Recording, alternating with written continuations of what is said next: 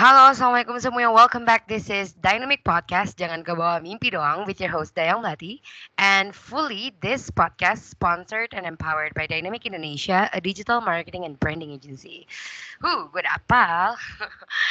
alhamdulillah kita di, di episode kesekian dan alhamdulillah juga saat ini kita kedatangan banyak sekali brand aktivis di seluruh Indonesia dengan apa ya dengan jejaringan The Power of Community by IBAN ya Indonesia uh, Indonesian Branding. Kok gue lupa ya? Bang halo bang bantuin gue bang. Indonesia Brand Activist Network. Aduh parah ya aduh. Aduh ampun ampun ampun. Indonesian uh, Brand Activist Network ya, aduh luar biasa. Nah jadi ini, uh, nih lu pada udah dengar sedikit ya, uh, sedikit saut-sautan di di ujung sana. Uh, bersama kita salah seorang Brand Activist Network juga uh, ya. jauh di sana katanya tadi terpisah jarak dan waktu ya karena kita sama-sama minus geografinya jadi kita nggak tahu sebenarnya kita masih satu waktu bang. Tenang bang. Oh iya betul, betul. so, terpisah pulau uh, itu berdasarkan waktu aja gue masih WIB di Pontianak ya. Uh, jadi langsung aja perkenalkan uh, hmm. ada bang uh, bang Akbar di sini. Halo bang Akbar. Assalamualaikum. Halo. Sayang waalaikumsalam warahmatullah Subhanallah, akhirnya terwujud juga mimpi kita untuk berpodcast Ria ya. Yoi, betul betul. Uh, gue senang banget sih bisa kolaborasi dengan. Sumpah itu sok asik, uh, so asik banget sih. So asik banget sih itu. Sumpah yeah. gue banget sih. Kali-kali gue diplomatis gitu kayak politis ya pakai orang-orang politik kan gitu. siap, siap, siap. Ketahuan banget ini persuasif persuasif ininya juga dapet ya sebenarnya ya. Asik. Anyway. Udah lumayan lah ya. Oke. Okay. boleh, boleh. Nah jadi Bang, gue udah hmm. tahu nih seberapa awesome-nya Bang Akbar. Kenalan dulu dong sama Asik. Dynamic Nation yang ada di luar sana. Mangga. Oke, okay, halo Dynamic Nation. Panggil aja itu bener ya? Iya, betul. Oke, okay, Dynamic Nation, uh, perkenalkan nama uh, nama saya Akbar Mujahid. Uh, gelar di belakang saya sarjana hukum, tapi tidak pernah saya pakai karena uh, ijazah itu tanda lulus sekolah, bukan tanda lulus berpikir.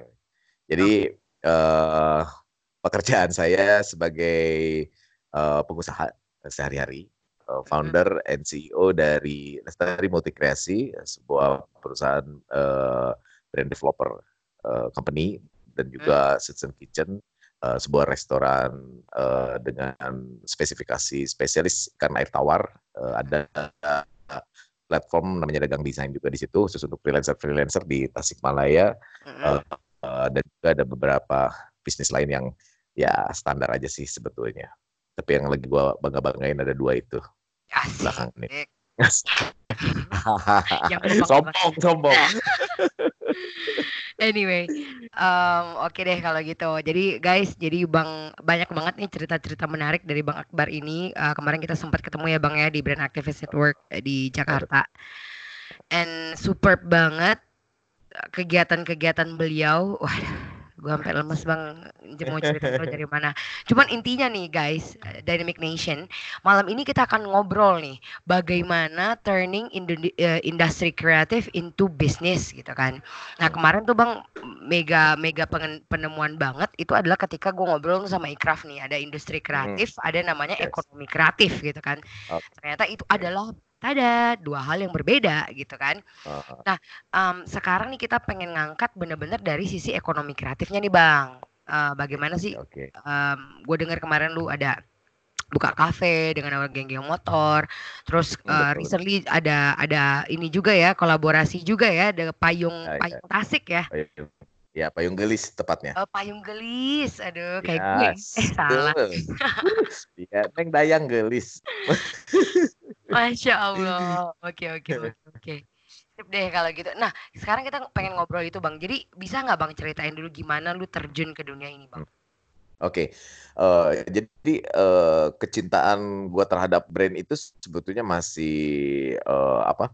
Masih cukup ya muda lah kali ya. Gue mulai yeah. serius memperdalam brand itu di 2014 uh, tepatnya. Tapi gue mengenal dunia brand itu sejak 2008 kali ya, uh, yeah. secara praktek ya 2008 secara praktik uh, gue menjalankan brand tapi tidak mengetahui secara struktur gitu uh, ada kompetensinya di situ kan nah gue cuma menjalankan saja tanpa mengerti oh ternyata gue tuh sedang membangun sebuah brand karena waktu itu memang tidak sedalam sekarang tuh uh, gue hmm. mengenal si dunia brand itu nah 2014 gue mulai ikut workshop gue mulai diskusi dengan beberapa dosen kebetulan adik-adik kelas gue uh, gue coba belajar dari mereka karena mereka mengambil uh, magister uh, manajemen terutama branding spesialis gitu. Gue belajar hmm. banyak dari mereka di kelas dengan mereka yang ya dibego-begoin lah diapain nggak apa-apa tapi kan itu proses belajar kan.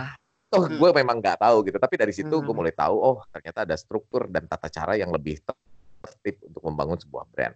Nah dari situ gue mulai implementasikan tuh uh, ke dalam beberapa bisnis, kemudian gue, gue modify bisnis itu lebih deep lagi, sehingga uh, intinya adalah memberikan dampak tuh.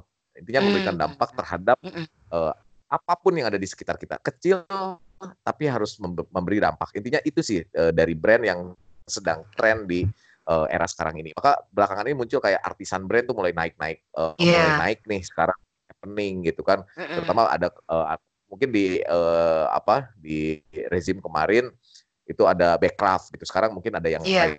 lain lagi ada creative hub dan segala macam. Betul, betul. kiranya sudah sudah mulai ke sana gitu. Jadi uh, itu juga yang membuat uh, gue kayak kayak lagi nostalgia nih belakangan ini karena hmm. dulu gue uh, lama banget tuh di showbiz industry di Jakarta hmm. kan uh, dari 2007 sampai 2013 itu Kemudian uh, sekarang lagi happening lagi, gue kayak nostalgia lagi.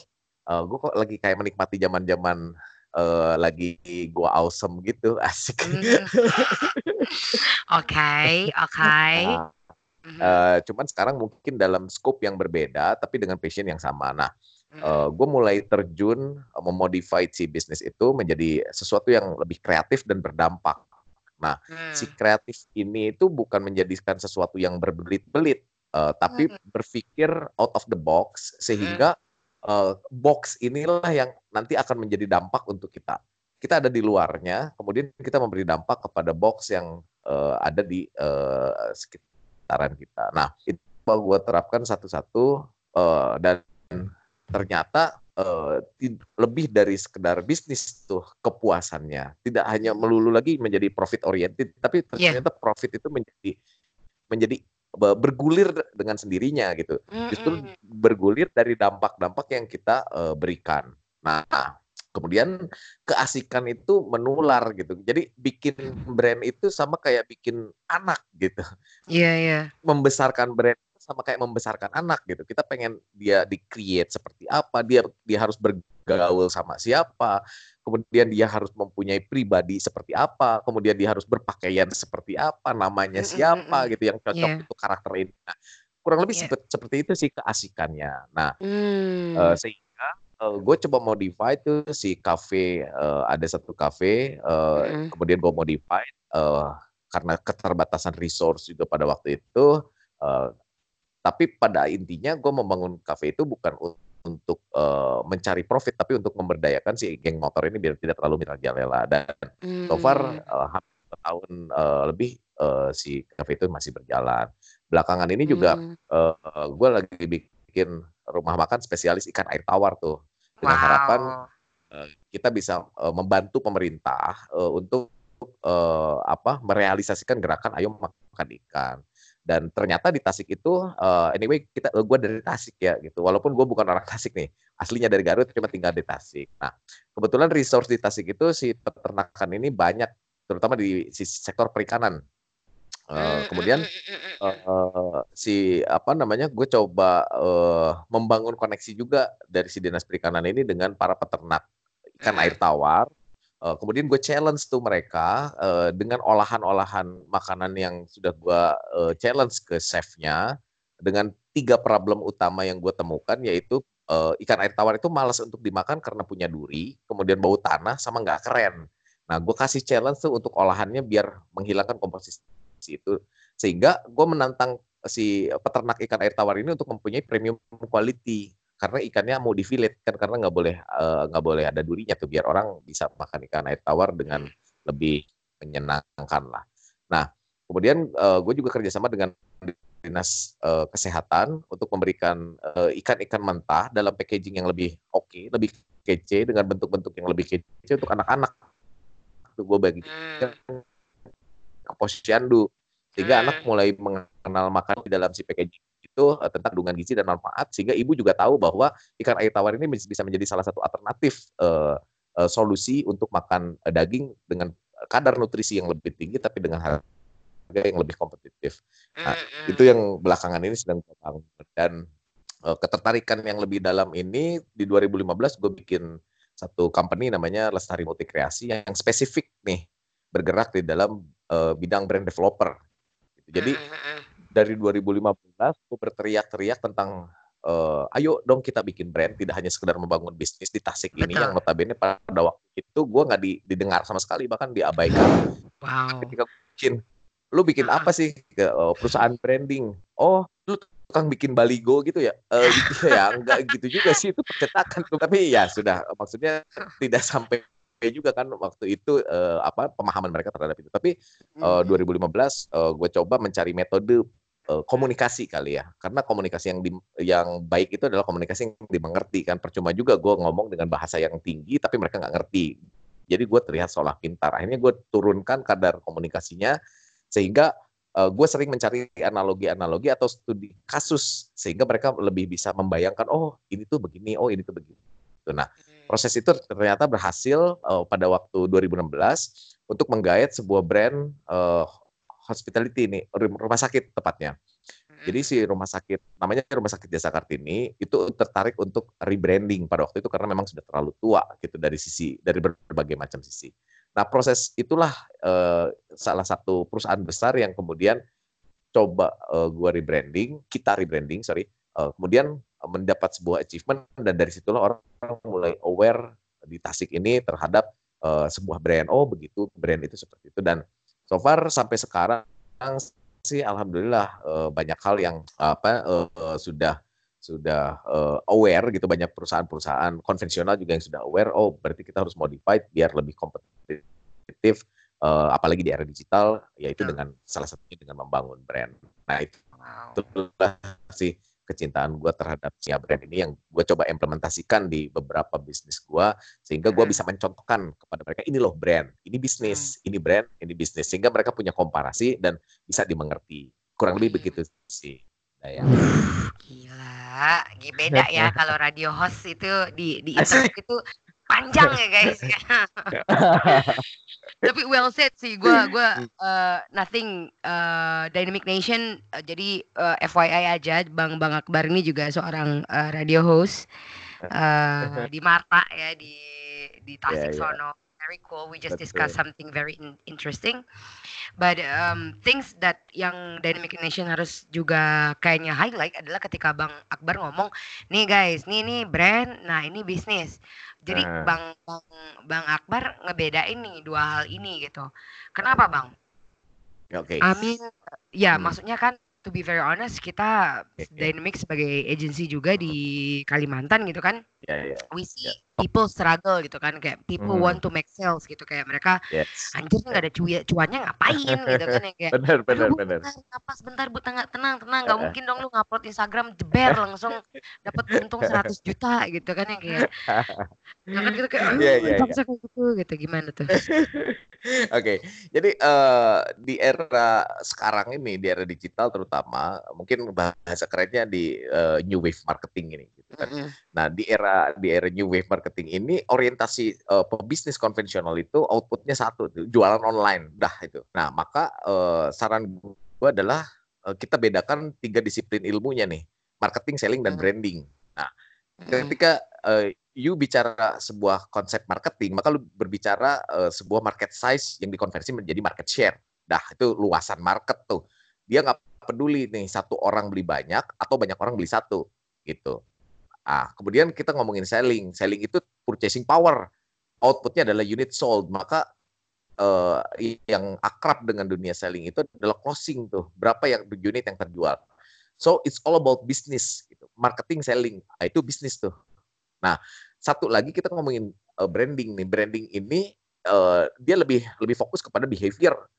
sehingga muncul loyalitas nih yang bikin yang beli ini beli lagi beli lagi beli lagi nah sebetulnya itu tuh uh, tiga disiplin ilmu yang biasa gue bedain dulu sama mereka mana bisnis uh, mana branding. So uh, kalau sederhananya marketing itu adalah uh, cara untuk mengajak orang ngedate gitu sederhana Mmm. caranya nih cara untuk ngajak iya. orang ngedate branding ini adalah alasan. Kenapa si orang itu ngedate gitu? Jadi Mhm kalau mhm misalkan memang uh, uh, mau mencari uh, bisnis is all about revenue gitu kan ya udah optimalin aja di marketingnya kemudian selling gitu. Marketing bikin iklan dong. Ya masa lu jualan di Instagram uh, lu berharap ada penghasilan dari Instagram tapi lu nggak mau berbisnis sama Instagram? Instagram Mmm. juga males. Sama lu Instagram juga males Iya. kali naik produk lu untuk ke atas. Ya lu pasang iklan dong sehingga market size itu membesar. Nah kemudian lu Mmm. kan sellingnya. Kalau misalnya kita ngomongin Instagram di mana? Ya direct message lu message kayak lu bales komennya. Nah tapi Mhm. Cara itu kalau kita uh, dalam dalam konteks pengenalan lebih lanjut maka itu disebut proses branding juga tuh. Jadi sebetulnya itu bukan dipilih uh, bukan pilihan. Uh, itu sebuah komposisi itu sempurnanya tuh begitu. Tapi buat para UKM itu biasanya gue kasih opsi uh, you, you kuat di mana? Kalau Mmm. kuatnya di marketing banyak koneksi ya yuk gedein marketingnya dulu baru habis itu Mmm. selling baru branding yuk kuatnya di selling. Gue juga jualan. Ya yuk yuk kuatin dulu sellingnya. Habis itu baru perluas marketnya kemudian baru bangun brandingnya. Atau gue tuh Mmm. jago mendekati orang. Ya udah ya udah yuk kuatin brandingnya habis itu coba selling habis itu gedein market size-nya. Gitu sih kurang lebih. Nah sehingga dari Mhm. situ bisa kita bisa kita bisa bisa komparasi nih yang mana bisnis yang mana brand. Nah branding ini uh, di era sekarang ini adalah uh, musimnya kolaborasi gitu. Iya. jadi uh, kita harus tahu ada SWOT analisis kan di situ. Nah, si Mmm. SWOT analisis ini kita untuk menaikkan strengths dan meminimalisir weakness itu kita kolaborasi aja nih. Nah, proses branding di era sekarang ini biasanya kita buat kolaborasi untuk apa? Satu untuk mempermudah uh, si SWOT ini bisa terakomodir menjadi strength semua tanpa kita mengeluarkan cost lebih banyak. Kalau kita lihat dari sisi bisnisnya, dari Mhm. sisi pure brandingnya, si kolaborasi ini akan menghasilkan dampak yang lebih besar gitu. Oke, wow, this is cool. Ini ini um, tadi gue suka banget sih analoginya ketika dibilangin uh, apa tuh namanya uh, dibilangin gimana sih analogi branding, marketing dan juga selling. I think we are we are also in the same page gitu kan karena Yes. lu nggak bisa expect kayak orang langsung Mm. ya kayak ngedate ya kan nggak mungkin ketemu orang kayak eh, Iya dong. orangnya nikah yuk kan nggak Heeh. mungkin ya kaget Eh, dong iya kan. gitu kan. Betul, betul. Kita harus kenalan dulu kan, Iya, gitu. ngopi Masa tiba-tiba dibeli? Iya. Oh, oh, masa tiba-tiba di- dinikahin kan nggak begitu. You PDKT dulu, lu cari tahu film favoritnya apa, kemudian Eh, apa boneka kesukaannya apa, makanan kesukaannya apa, habis itu baru lu Yoi. PDKT kan. Nah, pasang iklan deh Nah. lu, pencitraan nih Nah. pura-pura lu mengerti begitu. Habis itu baru selling kan. Eh, jadian yuk. Nah, Iya. masa ya jadian dulu baru kenalan kan kurang lebih.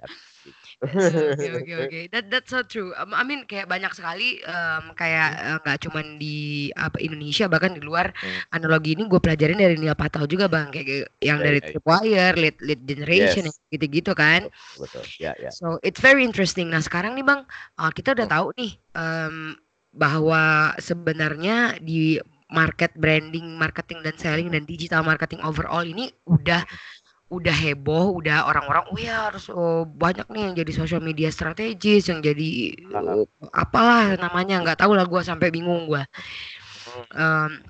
menyatakan dirinya expert gitu kan istilahnya di bidang Yes. tersebut gitu. Tapi at the end of the day, yang Hmm. sebenarnya kita cari kan adalah bagaimana ini benar-benar berdampak ke bisnis kan istilahnya gitu kan. Kalau branding Iya. KPI-nya apa, marketing KPI-nya apa Hmm. ya sales jelas banget KPI-nya duit gitu kan. Nah, kalau perjalanan itu sendiri nih, menurut yang udah lu lakuin sekarang, lu kan Hmm. berkecimpung di dunia kreativitas banyak banget nih. Iya, iya, iya. Apa sih step penting nih yang yang Hmm. menurut lu harus dilakukan oleh kita para pebisnis? Gue nggak pengen nge-highlight UMKM ya di sini ya, Oke, tapi oke. kayak generally Overall ya. kayak overall gitu loh, yang kayak kalau Hmm. seandainya kalau menurut pribadi gue, kalau lu udah mm, Hmm. bilang diri lo kecil, lo kan kecil selamanya sih menurut gue. Ya, betul. Jadi kayak mindsetnya udah mindset cetek aja udah gitu kan, nggak mau Iya, iya. belajar. Ini gue kan kecil, ngapain lu ngecat gue Iya, kayak iya. gitu, gitu, gitu lah. Namanya puas banget ya, ya Bro.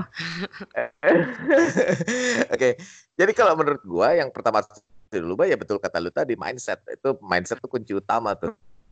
Nah, uh, lu kalau nggak bisa ngerubah mindset lu ya selesai sudah semua nggak akan bisa berubah. Nah, kenapa mindset uh, penting? Karena uh, dunia itu berubah gitu. Nah, lu hmm. mau aware nggak? Lu mau adaptasi nggak? Adaptif nggak tuh sama perubahan itu? Atau lu mau egois gitu? Merasa diri lu ya sudah ada on the track gitu. Padahal uh, di, di era sekarang itu dunia berubah dengan sangat cepat gitu. Apalagi sekarang sudah uh, bersinggungan dengan teknologi kan. Teknologi itu setiap menit setiap jam itu update gitu kan. Lu lihat aja di handphone itu pasti setiap hari minta update software tuh. Nah uh, dunia itu sudah sedinamis itu gitu. Mm-mm. maka uh, mindset lu juga harus dinamis gitu. Nah itu step pertama. Step yang kedua di bisnis zaman sekarang itu adalah uh, you peka gitu. Peka, peka sama lingkungan Nah, -hmm. kalau lu peka sama lingkungan, maka lu akan menemukan resource-resource untuk -hmm. bisa kolaborasi itu. -hmm. Sehingga bisa berdampak tuh, berdampak kepada bisnis lu mengurangi resource dan cost. Yang kedua berdampak kepada orang-orang yang ada di sekitar lu karena dijadikan resource. Nah, yang ketiga uh, kita coba uh, menggali sesuatu yang dekat dulu deh gitu. Mm. Biasanya gue begitu. Jadi ngapain kita mikir yang jauh gitu?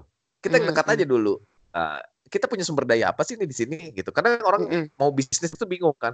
Gue bisnis apa ya? Ya lu melihatnya mm -hmm. terlalu jauh gitu. Mm -hmm. Referensinya tuh luar negeri. Referensi boleh gitu. Luar mm -hmm. negeri itu bagus karena kita harus uh, open minded tadi kan syarat pertama. Tapi yeah.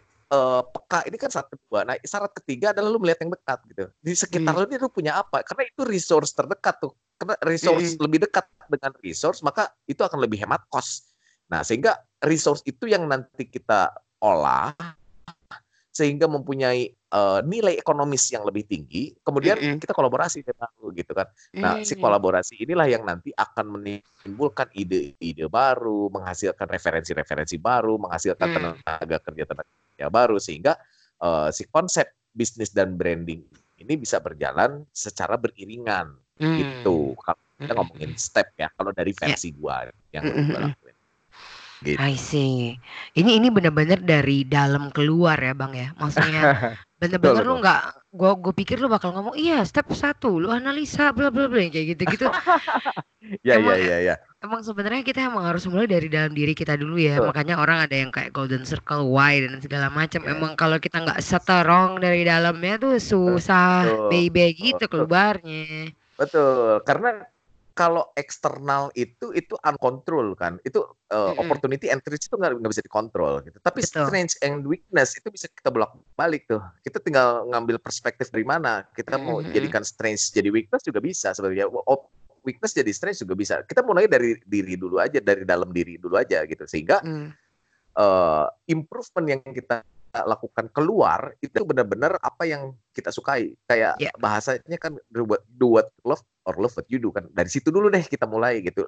Uh, sumber daya yang ada di dalam diri lu mindset dulu kemudian kepekaannya kemudian lingkungan sekitarnya kita bisa peka gitu. Kemudian baru kita uh, buat action lewat kolaborasi untuk menghemat uh, resource dan cost gitu. Hmm. dari situ aja dulu karena kalau kita ngomongin kadang gini uh, ada yang uh, ada stigma yang apa ya uh, mungkin bahasa bahasa nggak enak itu picik gitu ya. Uh, kadang suka ngomong ah teori gitu. Ah lu yeah. mah teori doang ngomong doang. Ya iya betul gitu. Tapi kita harus paham teori juga.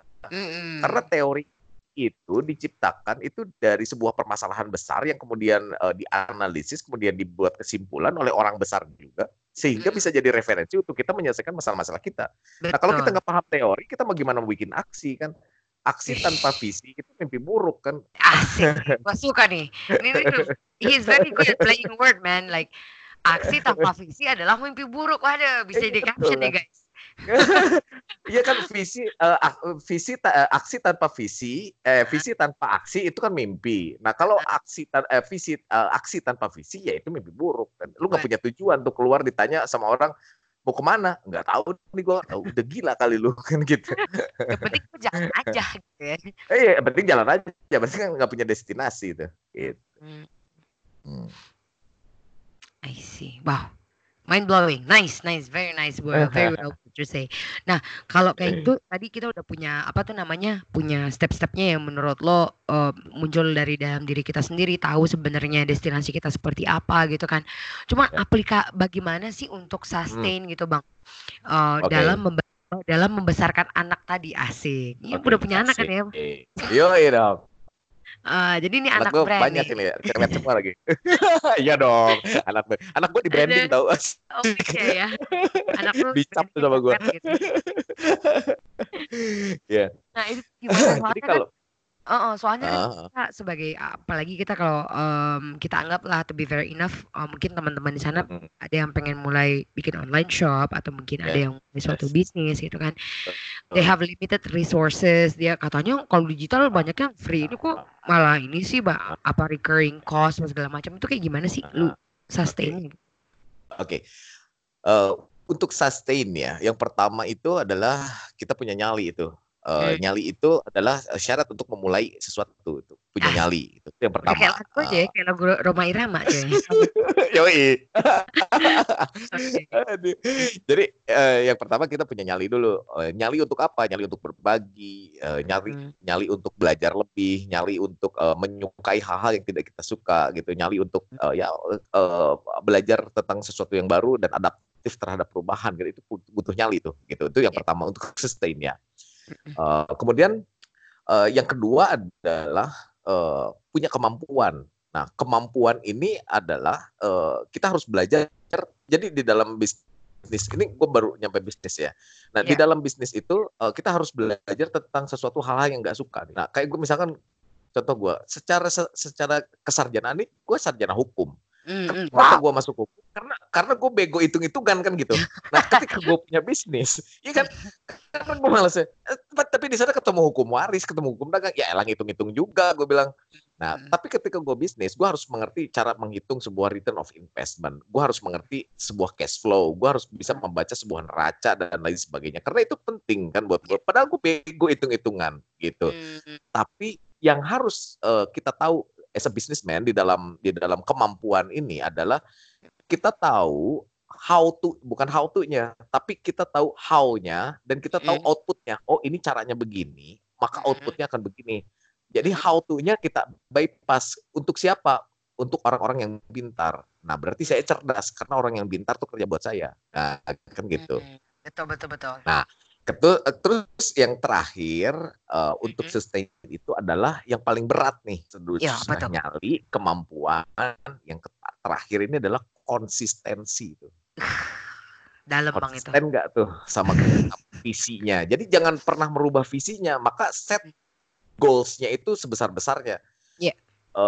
tentukan visi lu, tujuan lu, mimpi lu setinggi tingginya tuh. Contoh misalkan Mm-mm. gue lagi bi- ba- yang sedang gue jalanin aja ya. Gue Mm-mm. lagi bangun sih eh, rumah makan tuh namanya Sutsan Kitchen tuh. Mm-mm. Nah, Gue pengen itu bukan jadi rumah makan tapi jadi destinasi wisata ikan air tawar tuh. Karena gue spesifik di ikan air tawar. Nah, Iya, itu iya. di dreamsnya. Itu perjalanan panjang. Gue tahu itu perjalanan panjang dan Mm-mm. resource gue juga tidak mumpuni. Maka gue akan membuat sebuah kolaborasi. Nah, konsistensi sebuah mimpi yang panjang itu yang akan membentuk karakter dari si brandnya ini nih. Perjalanan-perjalanan ini yang nanti akan membentuk karakternya. Contoh misalkan gue analogikan, lu pengen di- jadi dokter, tapi lu anak seorang tukang beca gitu. Nah, itu perjalanannya punya historical yang lebih dalam tuh gitu. Betul, Sehingga akan betul. menyedot at- atensi dari banyak orang. Maka sekarang muncul brand story. Semakin tinggi mimpi lu, semakin terbatas eh, resource lu, tapi lu bisa menggapai mimpi lu. Itu sebuah brand story yang itu eh, punya nilai atau valuasi yang luar biasa itu. Wah, Kons- brand story. Terhadap goals lu itu yang susah. Wah, ini nih brand story ini nih yang berat nih. Karena kan Iya. banyak orang nih, jujur ya Bang ya, kalau kita ngomongin brand, how to make a brand, itu lu sekali Google tuh Ya. seret, sampai ribuan Yoi, page banyak banget gitu kan. Heeh. Tapi gimana sih trik lu selama lu bikin brand yang belajar dari 2008 guys, bayangin 2008 lu masih ngapain ya 2008 ya? Doi Nanti gua ketahuan tua aja gila. Oke oke guys itu tolong dieliminasi ya dari Nation. Abang ini masih muda guys. Itu tadi bukan anak aslinya anak anyway just a joke. Tapi gimana sih menurut lu bang? Karena brand story it's a I think it's quite tricky ya. Jadi kita dari brand positioning, misalnya kita Ya. nentuin brand positioning gampang lah ya. Oke, gue Ya. DNA gue kayak gini, core value gue gini, added value gue kayak Ya. gini. Oh, oke, gue pengen jadi air tawar. Ah, apa core value-nya rumah makan. Yes. Eh, yang ada wisata air tawalnya, added value-nya eh, layanan terbagus, terbaik atau apalah gitu istilahnya. Tapi ah. gimana sih cara lu ngebentuk brand story itu bisa nggak bang diceritain ke kita? Mungkin kita bisa Oh, terinspirasi nih Dynamic Nation lagi mikir, oke gue Ah. jualan jilbab, brand story gue mungkin gitu kan. Ah, Gimana ah, Oke. Cara ngebangun brand story itu tahap pertama nih. Ini tahap pertama. Kalau tadi tahap Guys. terakhir paling susah. Nah, Guys, catat guys. Ya. kalau di dalam brand story tahap pertama itu adalah yang paling berat. Apa yang paling berat? Jujur. Nah, kalau lu bangun Berat brand badan, story lu tadi apa? Badan. Oh, sorry. Lagi serius ya? Eh, enggak juga lah. Jangan terus serius, jangan terus serius-serius nanti stroke. Oke. Ya. Jadi tahap pertama itu yang paling berat. Apa yang paling berat? Itu jujur. Nah, jadi lu bangun brand story lu dengan dengan apa yang lu jalani sesuai dengan apa yang lu punya, apa yang lu mampu. Jangan dikurangkan, jangan dilebihkan itu yang pertama. Kenapa? Karena brand story ini muncul responsibility. Nah, kalau ada kesalahan dari kejujuran ini, maka brand image lu jatuh seketika tuh. Gitu. Jadi apa adanya aja lu punyanya itu ya lu ceritain itu gitu karena itu akan akan membuat uh, responsibility lu semakin semakin kecil gitu untuk mempertanggungjawabkan uh, truth or dare kan gitu nah kalau lu kebanyakan dare-nya ya sudah image lu nanti kebongkar ya sudah runtuh tuh semua itu tahap pertama tuh nah tahap kedua setelah jujur ini uh, lu buat sebuah diksi yang bagus nah Mm. pemilihan bahasa yang bagus yang bisa uh, menimbulkan sebuah persepsi yang tepat karena di, di uh, dibuatkan diksi yang bagus sehingga penerjemahannya juga bagus. Gitu. Mm. Nah itu yang yang membuat orang tidak salah persepsi kan dari diksi yang bagus itu orang Diksi, tidak salah bentar, bentar, bentar. persepsi. Let's be Ya, stupid ya. here. Like, what is Oke. diksi? Mhm. Coba lu googling dah diksi itu apa? Diksi diksi itu sederhananya pemilihan kata yang tepat gitu, untuk Mm. merepresentasikan sesuatu gitu. Jadi kalau Iya. misalkan uh, uh, uh, tukang bohong gitu kan, uh, jangan bilang tukang bohong, tapi kita bisa buat itu kayak misalkan uh, Pinocchio gitu. Nah itu kan orang punya asumsi oh ini Pinocchio itu tukang bohong, tapi kita perhalus tapi pemilihannya juga tepat. Nah kemudian Mm. dari si brand story yang ketiga ini tahapan ketiga lu bangun sebuah narasi nih. Nah Hmm. narasi inilah yang nanti akan menceritakan rangkaian dari value yang lu punya, tuh perjalanan yang lu punya. Narasi ini harus dibungkus dengan eh, nar, apa kesesuaian eh, terhadap si segmen market gitu. Jadi lu jangan ngomong lu gue kalau segmen marketnya itu eh, orang 45 tahun ke atas tuh. Itu orang akan gagu gitu dengerin "Ya, apa sih itu ngomong apa sih gitu. Nah, sesuaikan dengan target market gitu. Update eh, bah, apa bungkusan narasi ini eh, sesuai dengan eh, kebiasaan-kebiasaan yang ada di segmen atau target yang lu pilih gitu. Sederhananya seperti itu tuh tiga tahapannya jujur eh, yang pertama, eh, kemudian yang kedua lu bikin sebuah diksi yang bagus, yang ketiga eh, dibangun narasi yang baik tuh story itu. Nah Mm. itu kalau eh, itu bisa dalam bentuk skrip, itu bisa dalam bentuk pictures atau bisa dalam bentuk video tuh. Itu sama aja tuh eh, tiga-tiganya juga begitu. Nah, cuman beda Hmm. implementasi eh, tulisan, eh, gambar pasif dan gambar bergerak. Hmm. Oke oke. J- Jadi bener-bener gue gue setuju banget ya bang ketika lu udah ngobrolin tentang masalah step ya karena gue percaya banget everything tuh ada patternnya gitu loh itu semua yang Betul. udah di bawah di bawah sinar matahari itu udah pernah kejadian gitu tinggal kita pinter Ya. gak sih ya namanya nge nge nge-mapping Mm, mm, out gitu kan terus yang paling Ya, pasti ya. eksekusi ya dynamic nation Betul. Jangan Betul, kalian kayak sibuk ngekonsumsi eh, semua video di YouTube, ngepo Ah. podcast kita tanpa nggak ada aksinya, guys. Jangan Bener. kebawa mimpi doang, makanya. Ikutan seminar, dengerin podcast dari Hmm. Dynamic gitu kan. eh, Mm-mm. tapi ya udah didengerin doang, besoknya lupa, besoknya dengerin lagi, terus aja begitu sampai tua kan. eh, Gak ada, gak ada actionnya. Yang penting action, dengerin Betul, action. betul, Gitu. betul. Wow, Oke, luar biasa. I do agree itu. Yeah, totally agree. So let's say this is uh, could Hmm. be your last exercising for this uh, episode Oke. uh, because because karena beneran bang, gue ngerasa there are so many thing yang bisa kita serap nih dari dari bang Akbar. Maybe we will have another episode ya pas kita ngomongin nanti masalah i- tentang ikan si air tawar teh kumaha Oke. ya boleh, gitu kan. Bang, boleh. uh, udah muncul nih gimana ininya pengalamannya kan lebih asik Ya, gitu oke. kalau nanti kan. Ya, ya. ada Nah. eh, ada ada yang eh, itu itu menarik sama yang paling Hmm. menarik itu eh, nanti gue pengen eh, nanti kita bisa sharing lagi tentang si Ya. Payung gelis nih. Jadi ada konservasi budaya di sana dan ini bisa lu implementasiin di daerah lu masing-masing Wah, gitu. Nanti gue Oke, oke, oke. gua gue ceritain tuh apa yang gue temukan di sini metodenya bagaimana dan Mm-mm. apa outputnya gitu dan itu Betul. big impact dan eh, kita sebagai millennials gue sarankan eh, lu lakukan apa yang gue lakukan gitu sehingga bayangan kalau ada 10 inisiasi yang sudah gue lakukan sekarang ini dan itu diduplikasi sama teman-teman di daerah yang lain it's amazing itu akan bikin wonderful Indonesia itu bener-bener wonderful Wah, gue suka nih. Aduh. Abang-abang Tasik luar biasa. euy. Nah, so talking about exercising ya Bang, Oke, biar oke, bisa oke. ini nih, seandainya nih kita ngasih ke lu Bang. eh, let's say uh, you are Oke. given a brand gitu. Contohnya oke ada yang datang ke lu, "Bang, gua mau bikin Hmm. ini nih," gitu, "mau bikin home industry makanan." Sekarang kan Hmm. pada heboh tuh yang apa tuh eh, catering, eh, bukan catering sih, kalau catering is too heavy kali ya.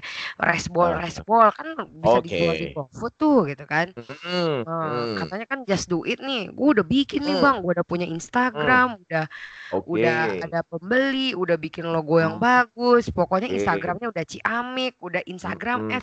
Tapi tuh kok gue nggak bisa ngalahin KFC ya bang ya gitu. Wah gimana tuh bang?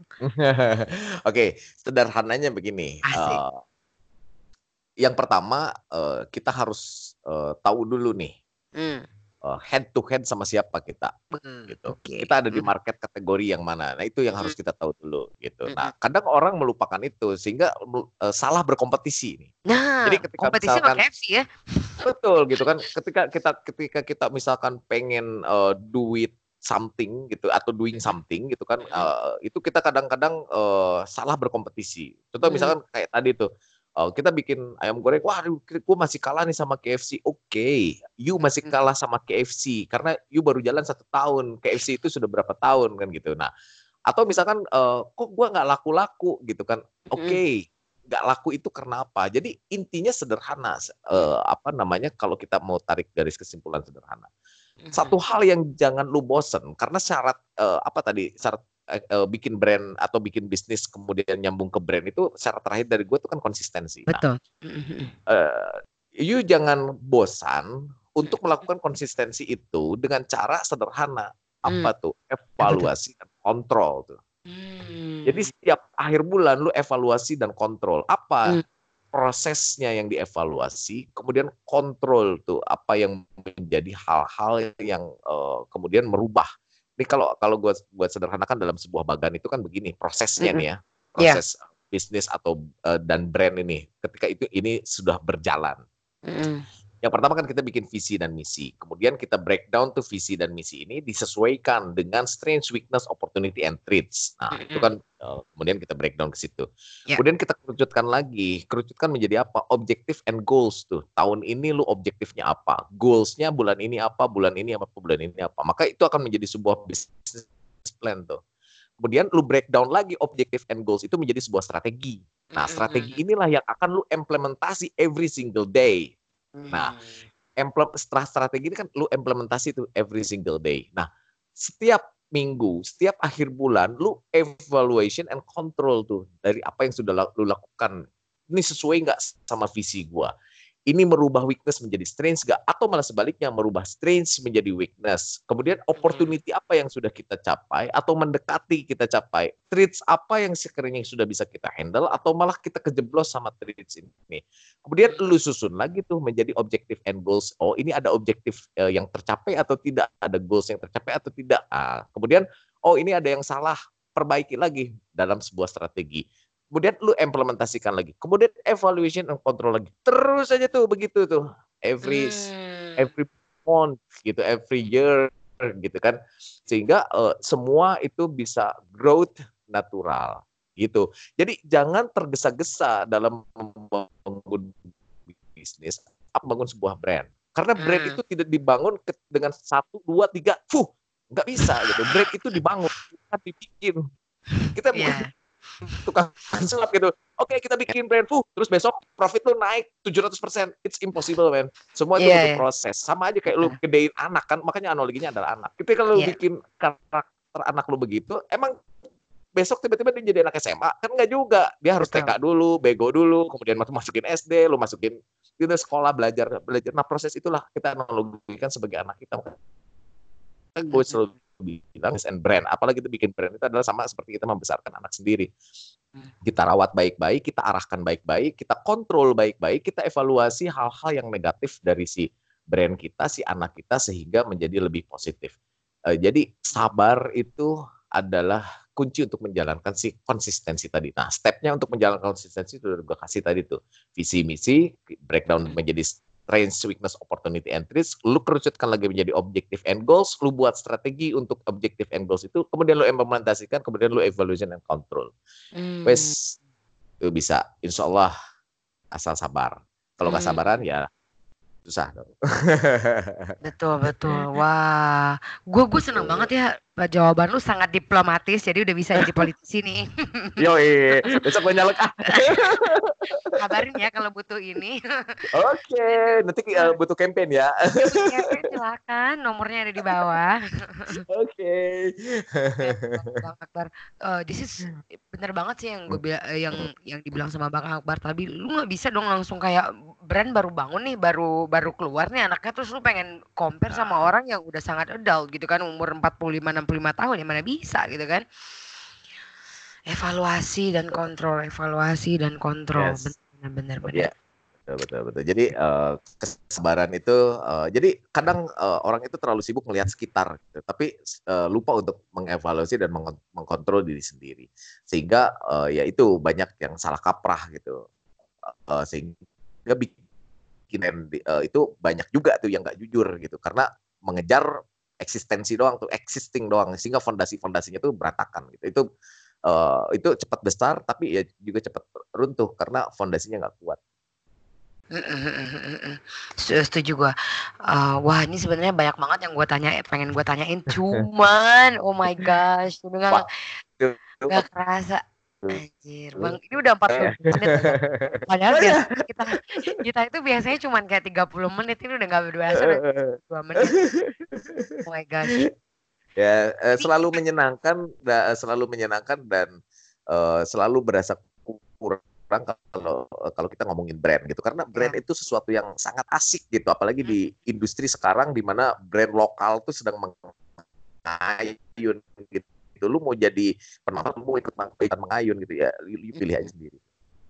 Setuju setuju gue. So anyway um, there are so many things dynamic nation yang tadi udah dibilang sama bang Akbar yang bisa kita pelajarin bisa tolong dicatat di highlight diimplementasikan dan jangan ke bawah mimpi doang please.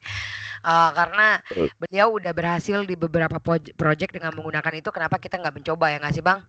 Apa ya betul sekali. Ah kenapa sih gue jadi kayak gini bang? Nih gara-gara ketua ini nih Iban lawak klub nih. Yo kita tuh kalau lagi eh, nggak begini biasanya jadi pelawak tuh. Iya. Aduh, anyway, um, any any last tips atau uh, last advice ke Dynamic Nation, Bang Akbar? Yap, oke. Okay.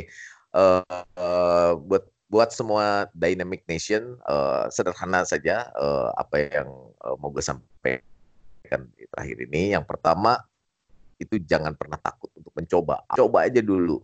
Uh, kemudian ketika ini prinsip gue ya, ketika semua orang bilang itu sulit, ketika semua orang bilang itu mustahil, itu semakin hmm. gue deketin tuh. Semakin orang bilang jangan, itu semakin gue deketin.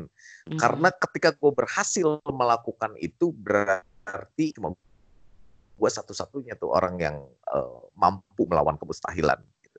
sehingga hmm. gue gak punya kompetitor the one and only itu karena prinsip gue adalah harus numero uno gitu jadi jangan pernah takut untuk mencoba apa pun itu bahkan untuk hal-hal yang lu awam lu nggak suka lu coba aja karena nggak ada ruginya kok itu menjadi pengetahuan buat lu untuk uh, survive di kehidupan yang fana ini. Asik fana Asik, ke mana? aduh. Puitis bener gue. Ini ini apa sih lu pelawak apa pui apa puitis sih? Gue bingung dah malah. Ini multi talenta sekali nih abang kita nih. Jadi gue kalau kebanyakan kopi itu menjadi mendadak jadi Rendra tuh. Oh. Aduh, gila nih. Anyway, it's so amazing. Nah, kalau teman-teman pengen ngobrol langsung sama lu, Bang, gimana cara ngontak lo? Ada ada Oke. any akun atau apa yang bisa kita hubungi? Oke, Atau Oke. lihat? eh, eh, Instagram gua di Akbar MOU Jahid, Akbar Mau Jahid atau eh, lu bisa eh, connect juga ke Instagram eh, di si Lestari Multi Kreasi eh, antara dua itu. Tapi kalau misalkan lebih personal ke gua, lu bisa follow Instagram gua di Akbar Mau Jahid dan lu bisa DM eh, langsung ke gua. Insya Allah selama gua ada waktu, gue selalu replay eh, semua DM yang masuk ke gua, walaupun mungkin agak sedikit late respon, late respon. Tapi lu kalau mau discuss sama gua terkait brand, uh, terkait uh, bisnis, tapi mungkin lebih ke brand kali ya. Kalau bisnis tuh ya begitu-begitu aja sebetulnya. Tapi kalau mau discuss lebih banyak tentang brand, lu bisa uh, follow Instagram gue di Akbar Mojahid dan lu bisa DM ke gue di situ. Insya Allah gue replay uh, selama gue ada waktu untuk uh, replay itu. Hmm. Gitu ya, Bang ya. It's uh, amazing, amazing. Eh, damn, gua kayak gue tau gak sih lo gue udah ngelis nih apa aja yang mau gue konsultasiin sama lo di sini ya. Jadi lu jangan ke mana-mana. Apa lo mau Oke. malah ngikut nih abis ini? Enggak lah. Uh, gue tuh anyway gue tuh introvert gitu. Jadi uh, gue agak sedikit canggung kalau ada di keramaian dan gue do nothing gitu. Jadi uh, gue hanya gue hanya terbiasa di keramaian kalau ada kerjaan. Kalau nggak ada kerjaan biasanya gue lebih senang di tempat-tempat yang ya agak sedikit sepi lah gitu. Karena gue kan turunan Nyi Roro Kidul. Apa sih gak nyambung banget aja. gitu. Ya, aduh. Anyway, eh, itu aja dari kita gila gue jadi ter- terbawa stand up komedinya Bang Akbar nih. Eh, that's all for today. Um, I'm your host Dayang Melati. Very appreciate all Dynamic Nation yang masih stay tune sama kita. Don't forget to share this podcast ke teman-teman kamu yang membutuhkan dan juga jangan lupa follow Bang Akbar ya akbar.mou jahit ya. I think it's very worth it. dot langsung aja Akbar Oh, mau langsung Akbar Mujahid gitu ya. Oke. sip. Yes. Jangan-jangan baru gua unfollow nih. Astagfirullahaladzim lu kenapa sih? Aduh, gue nggak follow lo tuh. Oh. Anyway, um, that's all for now. Um, see you in the next episode, Dynamic Nation. Jangan ke bawah mimpi doang. And this is your podcast, Dynamic Podcast. See you. Assalamualaikum semuanya.